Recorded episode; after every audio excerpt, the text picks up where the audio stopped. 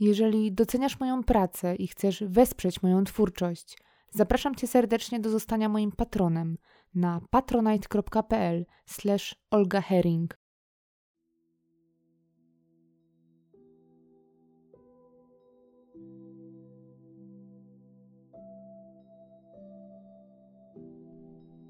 Sprawa, o której dzisiaj opowiem, jest jedną z tych, w których wnioski i sugestie, co się stało, nasuwają się wręcz same, jednak to szereg zaniedbań i układów determinował jej przebieg.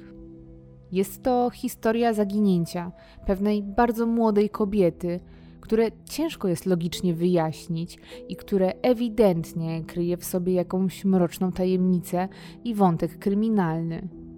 Ta sprawa jest wciąż nierozwiązana od ponad 20 lat, mimo że ciężko oprzeć się wrażeniu, że rozwiązanie tej zagadki czeka tuż za rogiem. Jest to historia, która nasuwa jeszcze jedno istotne pytanie: czy istnieje coś takiego jak zbrodnia doskonała?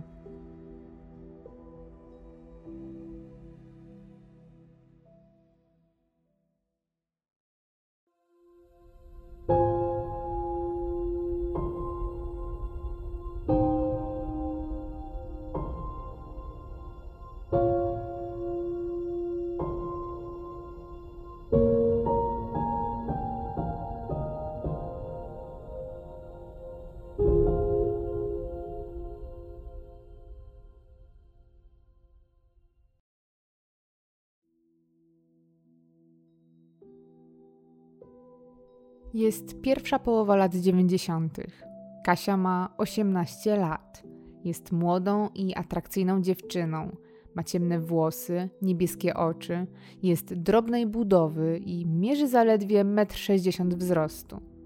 Ma promienny uśmiech, jest energiczna i pełna życia i ciężko wskazać kogoś, kto nie darzyłby jej sympatią. W tym czasie mieszka ze swoimi rodzicami i rodzeństwem w Piszu – mieście leżącym w województwie warmińsko-mazurskim.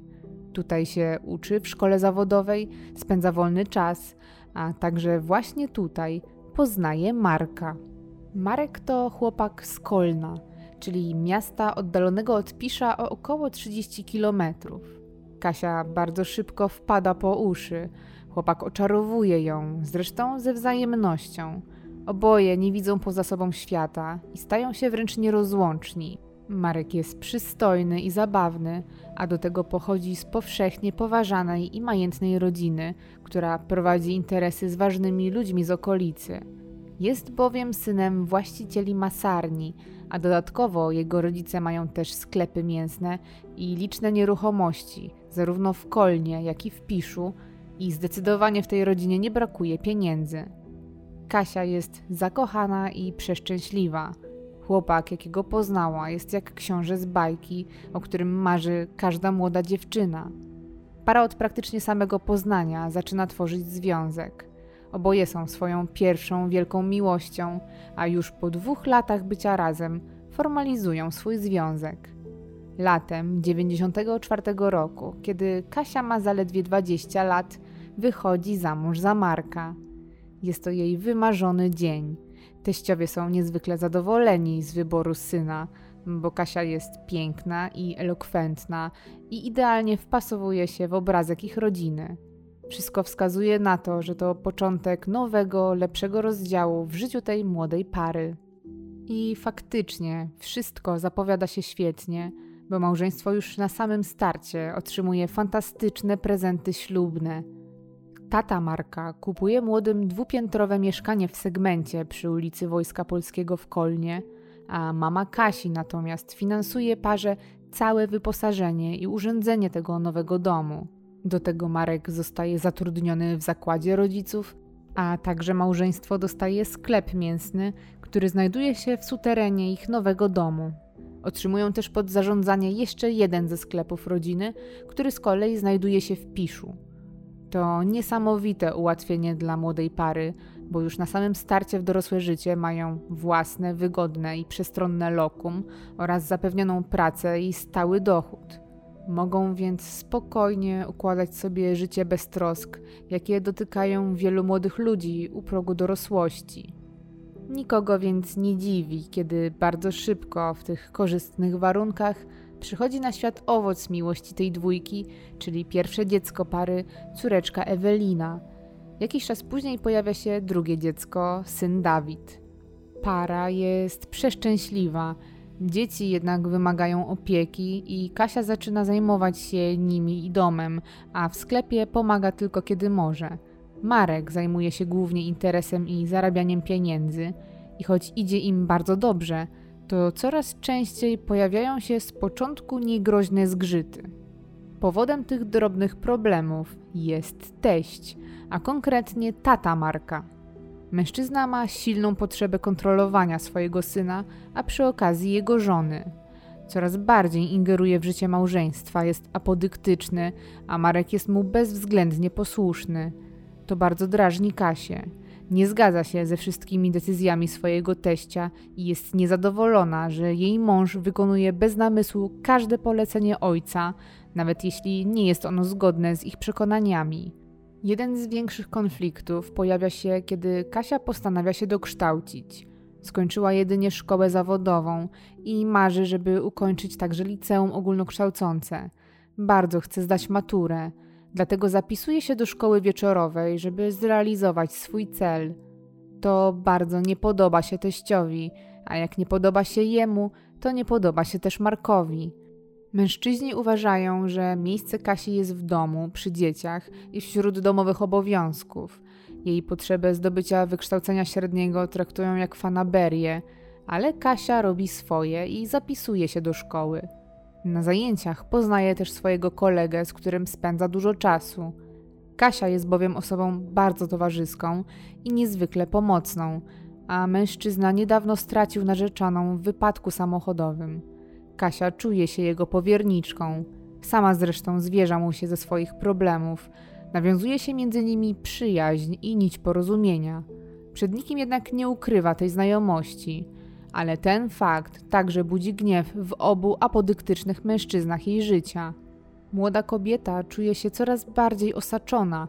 Kocha swojego męża, ale nie podoba się jej to, jakim staje się człowiekiem pod wpływem swojego ojca.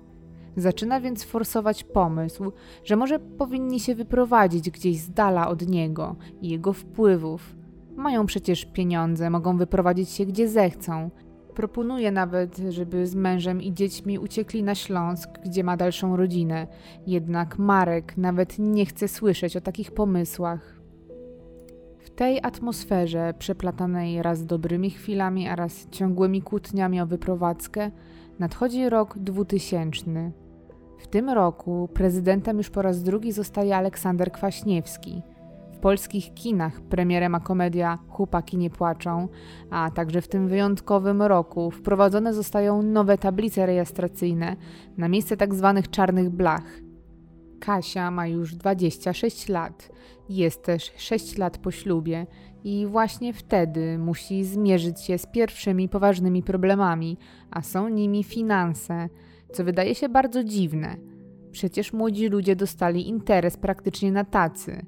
Nie są też obciążeni kredytem za mieszkanie, a jednak dzieje się coś, czego nikt się nie spodziewał i czego nie byli w stanie przewidzieć. Na samym początku roku Sanepid przeprowadza kontrolę w zakładzie masarskim i sklepie mięsnym, który prowadzi małżeństwo. Niestety ta kontrola ujawnia szereg nieprawidłowości. Okazuje się, że nadzór nad produkcją wyrobów daleko odbiega od norm, wskutek czego zarówno zakład, jak i sklep zostają zamknięte.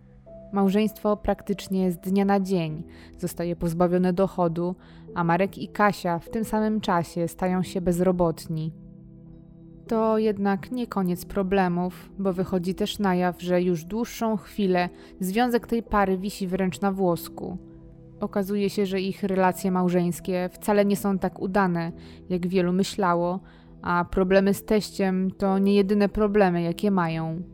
Koleżanki Kasi już od jakiegoś czasu są świadkami wielu nieprzyjemnych sytuacji.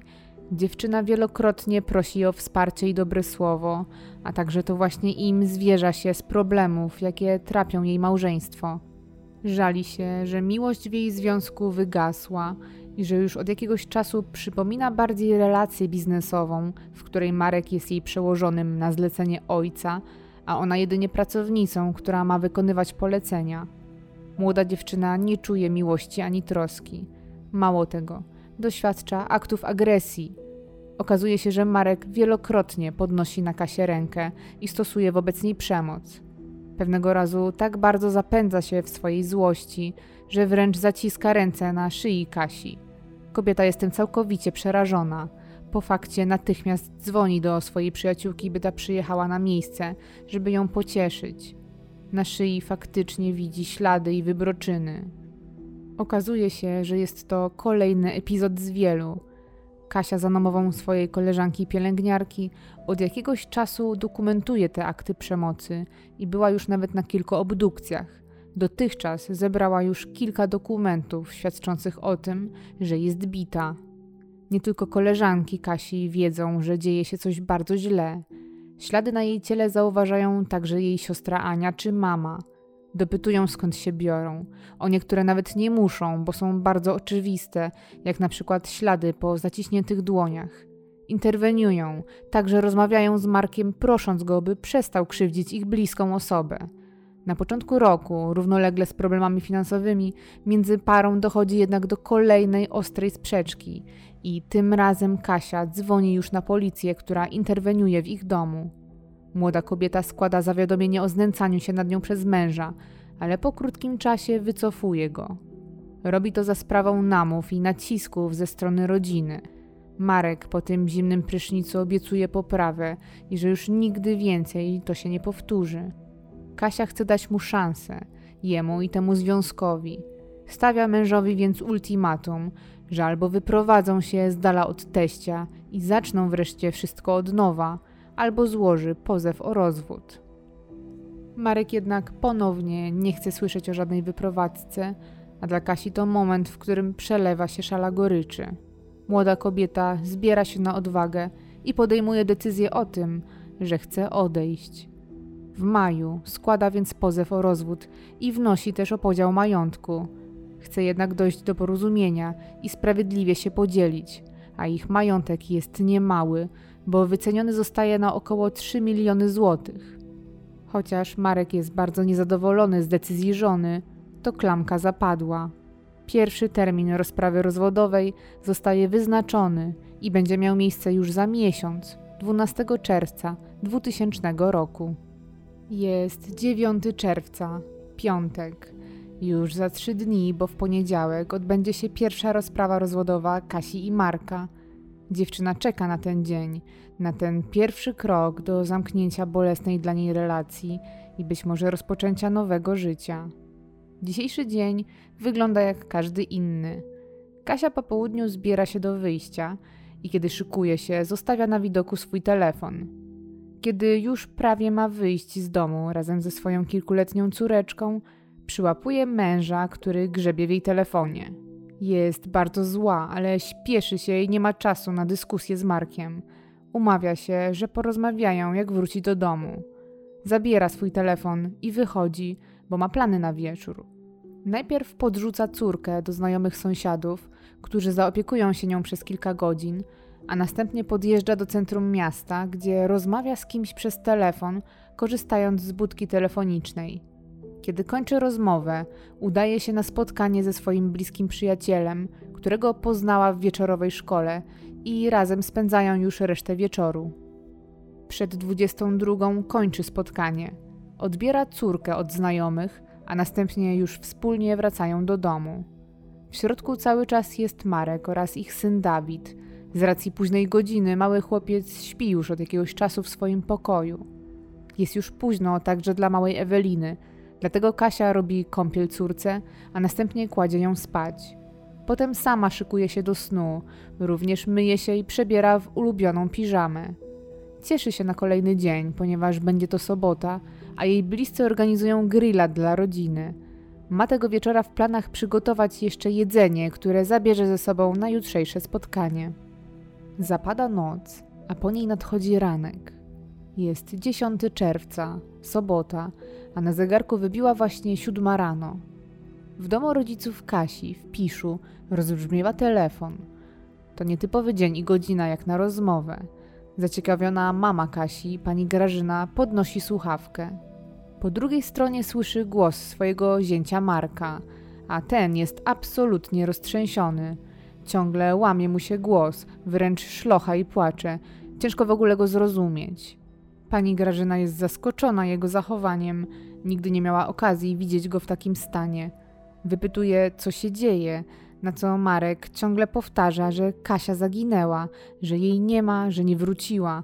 Mężczyzna nie potrafi złożyć zdań w logiczną całość. Pani Grażyna nie do końca rozumie, co się dzieje. Taka reakcja jest też dla niej niezbyt zrozumiała. Uspokaja zięcia, że skoro widzieli się przecież jeszcze wieczorem, to być może Kasia gdzieś wyszła, może do koleżanki, albo z samego rana na zakupy, a może po prostu poszła się przejść. Jest przecież wiele możliwości, które mogą wytłumaczyć jej stosunkowo krótką nieobecność. Marek jednak zachowuje się bardzo niespokojnie, jest tak zrozpaczony, że stawia wszystkich na równe nogi. Do Kolna natychmiast więc przyjeżdża mama Kasi z drugą córką Anią. Otwiera im Marek i kobiety zauważają, że mężczyzna ma świeże zadrapanie od skroni do szyi oraz na ręce. Mama i siostra są zaniepokojone informacjami, jakie im przekazał i tym, że Kasi nie ma. Zaczynają więc przeszukiwać dom pary, żeby znaleźć jakieś wskazówki. Wypytują się też Marka, kiedy widział ostatni raz swoją żonę i czy może coś się działo w nocy. Próbują złożyć historię w całość i wydedukować, gdzie jest młoda kobieta. On jednak twierdzi, że nic nie wie i nic nie widział, że Kasia wyszła po południu, a on wieczorem zasnął na kanapie przed telewizorem i że spał tak aż do samego rana. Dopiero kiedy się obudził, zdał sobie sprawę, że żony nie ma w domu, że jest tylko ich córka i syn i wpadł w panikę. Pani Grażyna, po wysłuchaniu zięcia, przeszukuje dom swojej córki jeszcze dokładniej.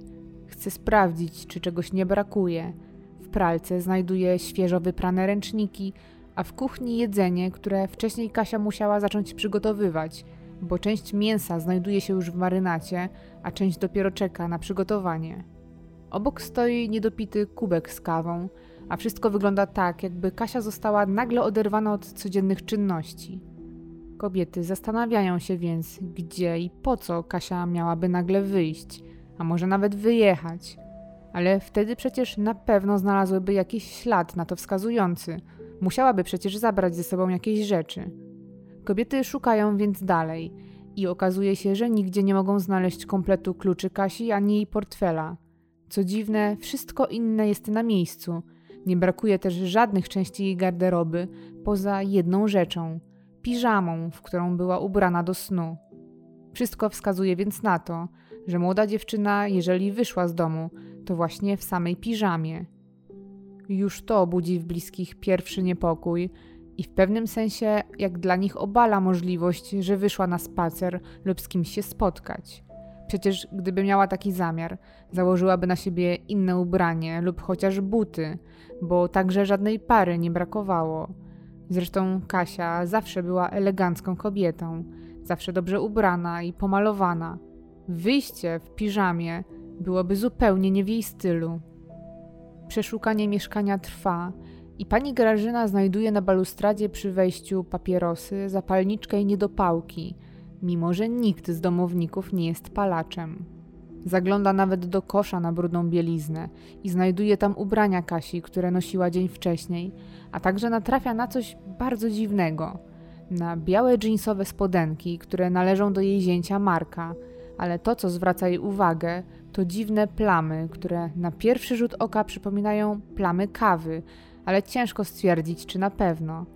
Mimo wszystko kobieta zabiera je ze sobą nie chce niczego przeoczyć.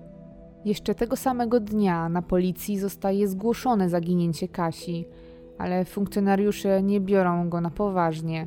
Spisują protokół, ale nie rozpoczynają poszukiwań. Jest to zastanawiające i bulwersujące dla rodziny.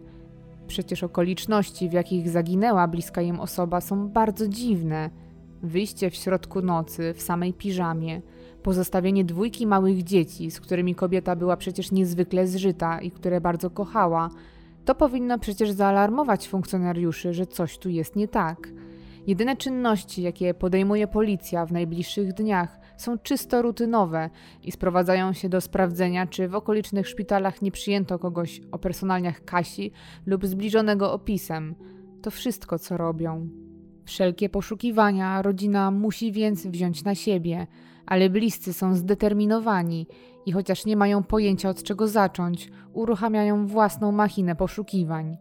Tworzą plakaty z wizerunkiem Kasi, rozpytują wszystkich o młodą dziewczynę, szukają wśród znajomych, a nawet dalszych krewnych.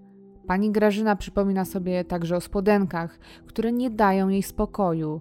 Te plamy, chociaż przypominają plamy po kawie, mogą być równie dobrze krwią i kobieta postanawia to sprawdzić. Mijają dwa dni, a Kasi nie ma, dlatego mama, pani Grażyna, kierowana coraz większymi obawami, rusza na komendę, by tam przekazać je do badań.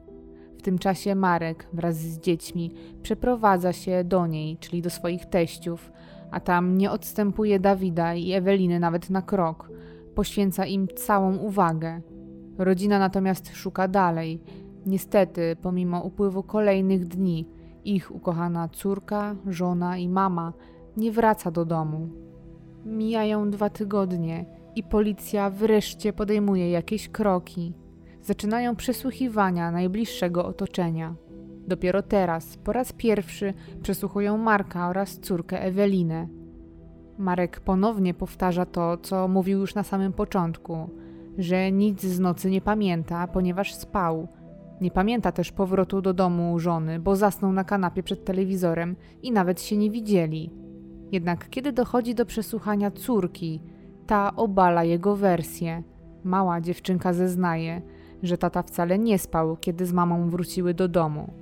Dzieje się jednak coś dziwnego i prokurator przerywa przesłuchanie w tak ważnym momencie.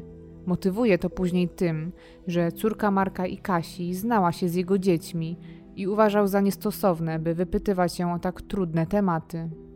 Pojawia się też inne zeznanie, które może podważyć słowa Marka. To sąsiad z naprzeciwka, który twierdzi, że po 22 widział Kasię, jak ta stała w swojej kuchni i z kimś rozmawiała. Mężczyzna opisuje, że wymachiwała rękami i ewidentnie prowadziła z kimś ożywioną dyskusję, a może nawet kłótnię. Nie wie, kim był partner tej rozmowy, bo widział tylko kobietę, jednak to za mało, by ktokolwiek nie dał wiary mężowi. Mijają kolejne dni. Mama Kasi, pani Grażyna, jest już bardzo zmartwiona. Zrezygnowana wraca na komendę. Chce dowiedzieć się, czy badania przyniesionych przez nią spodenek coś wykazały. Chce również sprawdzić postępy prowadzonego przez policję śledztwa, ale gdy zaproszona zostaje na rozmowę, dostrzega, że białe jeansowe spodenki leżą rzucone w reklamówce pod kaloryferem, zupełnie niezabezpieczone. Pani Grażyna jest wstrząśnięta i wzburzona. Wszystko wskazuje na to, że nikt się nimi nie zainteresował. Kobieta próbuje wyjaśnić sytuację, jednak policjanci zamiast przeprowadzić dialog, dają pani Grażynie dokument do podpisania, a jest to protokół przyjęcia materiału dowodowego z dzisiejszą datą. Pani Grażyna wie, co się dzieje. Widzi, że policjanci chcą w pewien sposób zatuszować swoje zaniedbanie, a kobieta nie chce odpuścić. Przypomina dosadnie, jak rzeczywiście było i że przecież prosiła o przebadanie materiału już jakiś czas temu. Wtedy policjanci nie pozostawiają jej wyboru. Oznajmiają, że albo podpisze dokument, albo przyniesione przez nią spodenki w ogóle nie zostaną przebadane. Pani Grażyna nie ma wyjścia. Czuje się zapędzona w kozi róg. Podpisuje dokument i dopiero wtedy znaleziona część garderoby trafia do ekspertyzy. Równolegle rodzina dalej na własną rękę szuka Kasi. Wszystko organizują sami, bez pomocy i udziału policji. W ramach możliwości przeszukują każde miejsce, które ktoś im wskaże. Szukają w pobliskich lasach czy na brzegach rzek. Badają każdy możliwy trop i są niezwykle zdeterminowani. Z pewnego źródła dociera do nich nawet informacja, że ciało Kasi mogło zostać wrzucone do jeziora i obciążone czymś, by utrudnić jego odnalezienie. Na własną rękę i dzięki własnym środkom finansowym wynajmują ekipę nurków, którzy przez kilkanaście godzin przeczesują wskazane miejsce przy pomocy sonaru. Ponownie, bez skutku. Rodzina wynajmuje także prywatnego, znanego detektywa. Jego stawka jest bardzo wysoka, ale rodzina nie widzi innego wyjścia. Wszyscy zrzucają się na opłatę za jego usługi, jednak tylko jedna osoba nie chce dołożyć się do finansowania takiej pomocy i jest to Marek. Mama Kasi z całych sił chce nagłośnić sprawę. Ciągle wierzy, że Kasia gdzieś tam jest. Kontaktuje się więc z redaktorami programów telewizyjnych, jak 997 czy ktokolwiek widział, ktokolwiek wie, i umawia się z nimi na nagrania. Ponownie wszystko to bez Marka, który nie przyjmuje zaproszeń do udziału w żadnym z programów.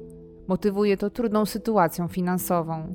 Najbliżsi Kasi jednak działają sami, nie patrząc na mężczyznę. Sięgają jeszcze dalej, korzystają nawet z pomocy osób, które twierdzą, że są jasnowidzami i że dzięki swoim wizjom są w stanie namierzyć zaginione osoby.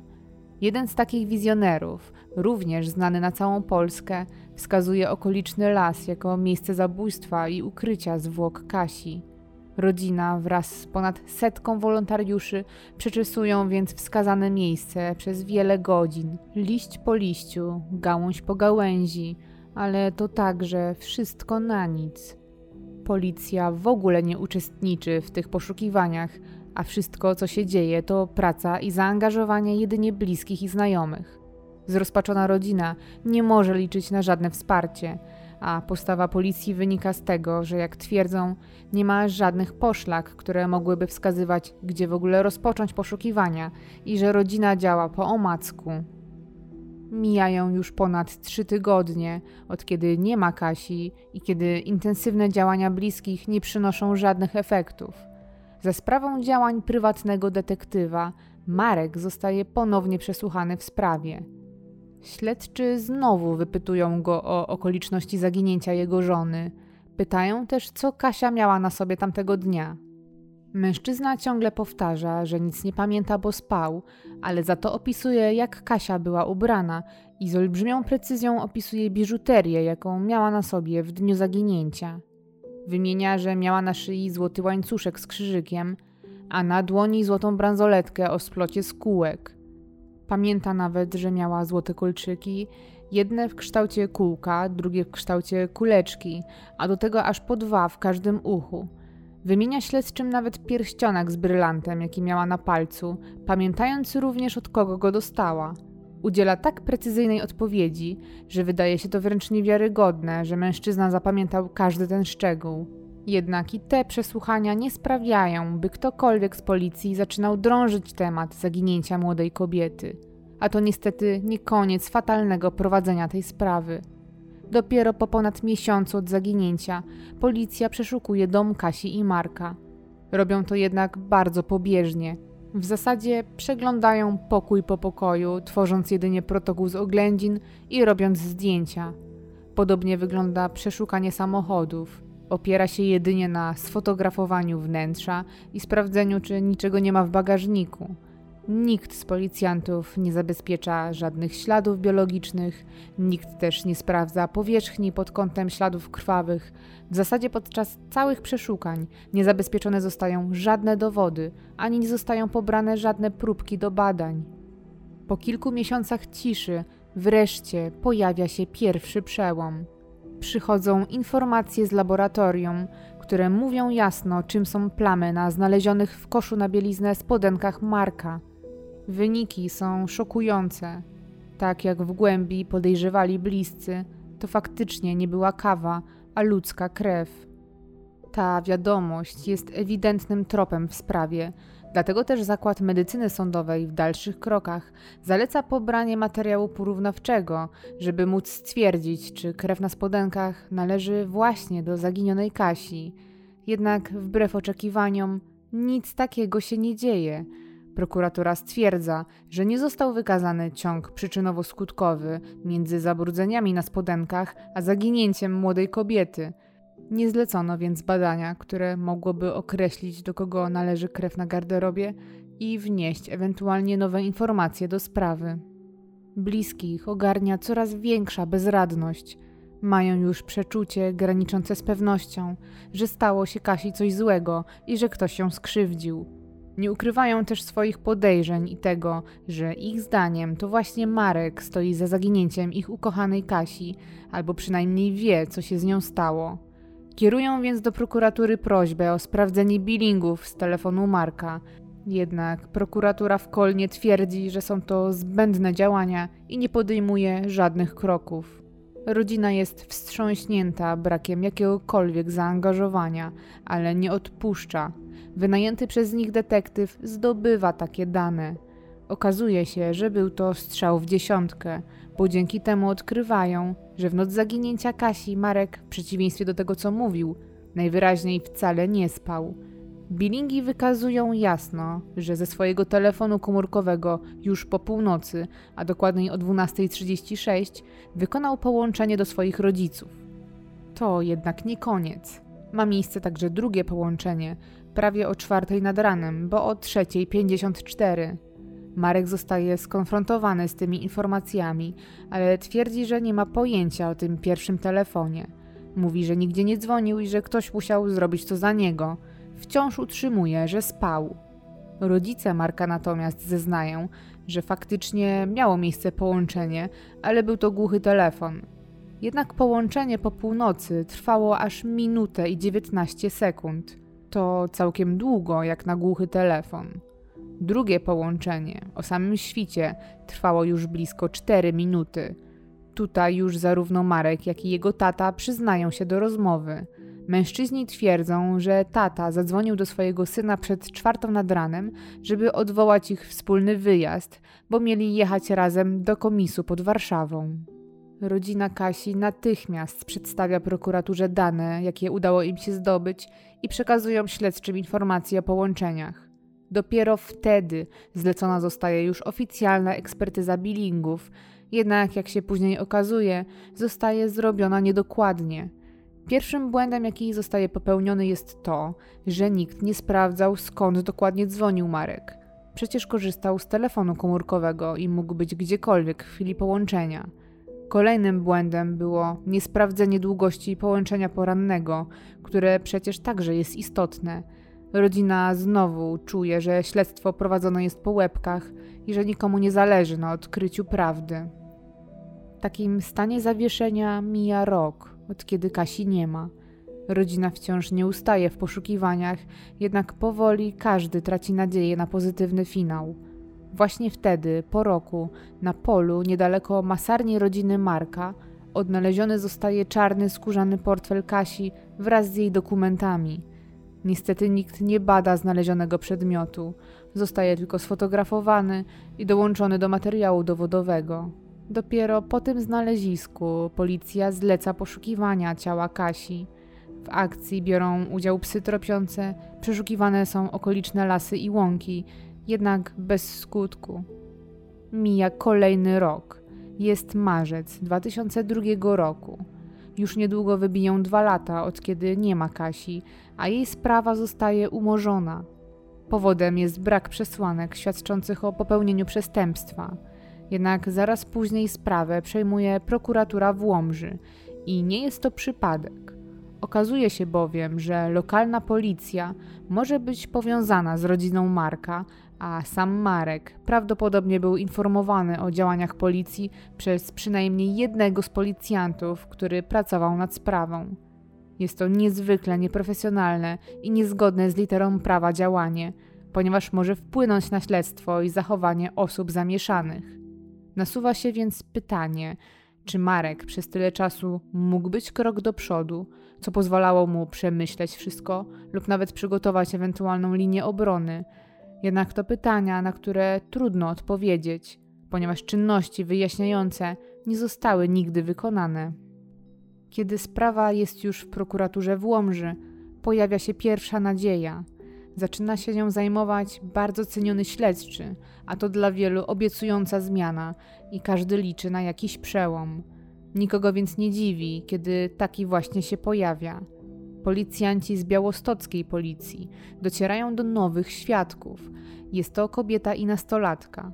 Obie zeznają, że były w noc zaginięcia przed segmentem należącym do małżeństwa Kasi i Marka i były świadkami bardzo dziwnej sceny. Widziały, jak dwóch mężczyzn wkłada jakiś duży pakunek w worku do samochodu. Obie zeznają, że mogło to być ciało, bo pakunek pasował wielkością i gabarytami. Pojawia się też inny świadek, a ten z kolei widział dwóch mężczyzn, tym razem już pod kolnem, wyciągających z samochodu podobny pakunek do tego, który opisały kobiety. Niestety te zeznania nie zostają uznane za wiarygodne. Po dokonaniu wizji lokalnej śledczy określają, że kobiety nie byłyby w stanie nikogo widzieć i ostatecznie te z pozoru przełomowe informacje nie popychają śledztwa dalej. Jednak w podobnym czasie na policję wpływa anonimowy list. Ktoś twierdzi, że Kasi należy szukać w masarni należącej do rodziny Marka.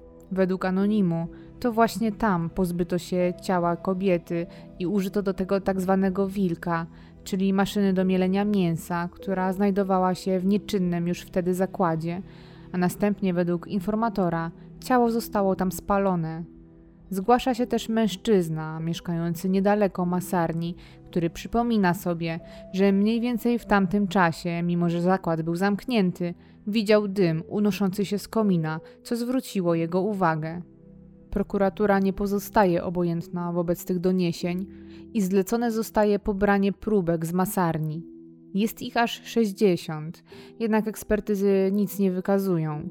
Trzeba jednak pamiętać, że próbki zostały przecież pobrane aż dwa lata po zaginięciu i pytanie, jakie się nasuwa, to jakie byłyby wyniki, gdyby zlecono je od razu. Za sprawą pojawiających się wciąż nowych przesłanek, zlecone zostaje jeszcze coś, co powinno być zrobione od razu. W końcu przeszukany zostaje także dom zaginionej oraz budynki masarni, a nawet posesja rodziców Marka.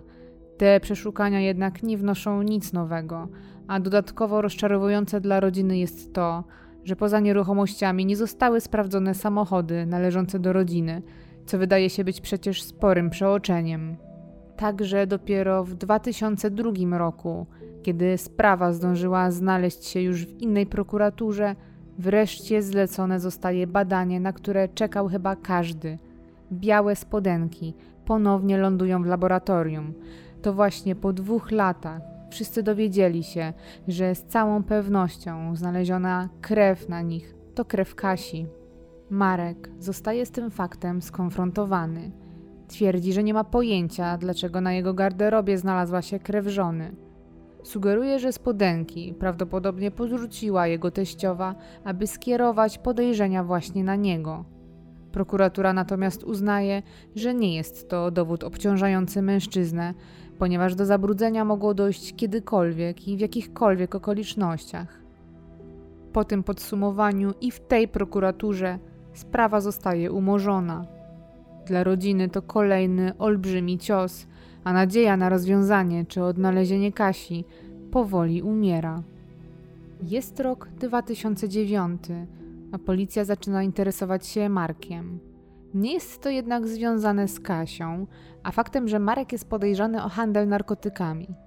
Według ustaleń śledczych, mężczyzna zaczął handlować amfetaminą i wraz ze wspólnikiem w czasie swojej przestępczej działalności sprzedał ponad 2 kg nielegalnej substancji. Funkcjonariusze chcą dokonać prowokacji, by przyłapać mężczyznę na gorącym uczynku i móc go surowo ukarać. Dlatego dwóch operacyjnych policjantów podaje się za rzekomych dostawców i próbują ubić z mężczyzną interes. Swój plan realizują dłuższy czas, bo muszą sprawić, że Marek im zaufa. W tym celu zaprzyjaźniają się z nim i jego partnerką. Skutecznie udaje im się wzbudzić zaufanie, a mężczyzna zaczyna współpracować z policjantami pod przykrywką, których ma za wspólników w nielegalnym interesie. Ale w międzyczasie dzieje się coś, czego żaden z funkcjonariuszy się nie spodziewał. Marek zaczyna traktować policjantów wręcz po koleżeńsku i zwierza im się z problemów, szczególnie z tych, jakie ma ze swoimi teściami. Żali się, że ciągle oskarżają go o zamordowanie żony i że uprzykrzają mu życie, chodząc do różnych programów telewizyjnych czy wypowiadając się w prasie. Słowo do słowa pyta w końcu jednego z policjantów operacyjnych, czy nie zna nikogo, komu mógłby zlecić pozbycie się teściów. Funkcjonariusze są w szoku, ale chcą, by teraz zuchwały mężczyzna dodatkowo odpowiedział także za zlecenie morderstwa starszych ludzi. Brną więc w sytuację i umawiają Marka na spotkanie z rzekomym wykonawcą, który również jest policjantem pod przykrywką. Mężczyźni spotykają się w czerwcu 2009 roku i zaczynają ustalać szczegóły. Ostatecznie Marek wymyśla, że najlepszym sposobem będzie sfingować napad na sklep mięsny, który prowadzą rodzice Kasi. Chce, by wykonawca udawał, że jest to rabunek, w wyniku którego zginie starsze małżeństwo. Mąż zaginionej Kasi podaje wszystkie szczegóły, pokazuje zdjęcia domu teściów, ich sklepu, podaje adresy, wtajemnicza policjanta w rutynę dnia codziennego starszych państwa i sam podpowiada, jak najłatwiej ich zaskoczyć. Wszystko to, czego Marek oczywiście nie wie, jest nagrywane. Ostatecznie umawiają się też na cenę, a odebranie życia dwóm osobom ma kosztować go 20 tysięcy złotych. Umawiają się, że do wykonania zadania dojdzie kilka miesięcy później, we wrześniu, ponieważ Marek musi zdobyć te niemałe pieniądze. W tym samym czasie sprawa zaginięcia Kasi zostaje ponownie poruszona.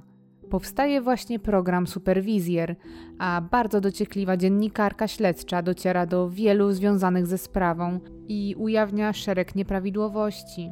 Nad Markiem, czego on jeszcze nie wie, Tworzy się więc ciemna chmura, zarówno ze względu na jego przestępczą działalność, jak i to, że temat tajemniczego zaginięcia jego żony staje się coraz bardziej niewygodny dla służb, które odpowiedzialne są za błędy powstałe w śledztwie.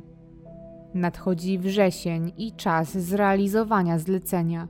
Jednak Marek wycofuje się. Nie wynika to bynajmniej z jego łaski – Okazuje się, że nie udało mu się zebrać odpowiedniej sumy i transakcja nie dochodzi do skutku.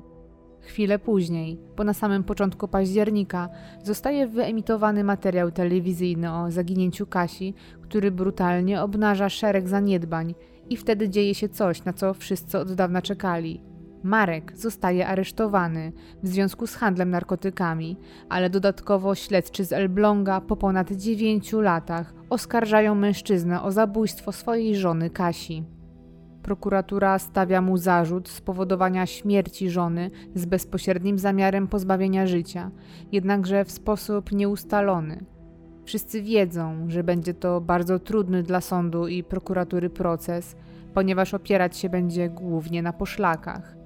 Marek, oskarżony także o podżeganie do zabójstwa swoich teściów i handel narkotykami, w nadchodzącym roku będzie miał aż trzy procesy.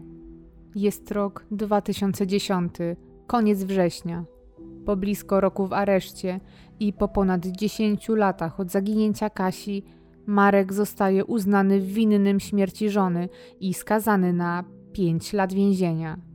Ten niski wyrok jest wynikiem poszlakowego charakteru procesu i tego, że ostatecznie prokuraturze nie udało się odtworzyć zdarzeń sprzed 10 lat, ani odnaleźć ciała kobiety i tym samym jednoznacznie wykazać, że rzeczywiście nie żyje.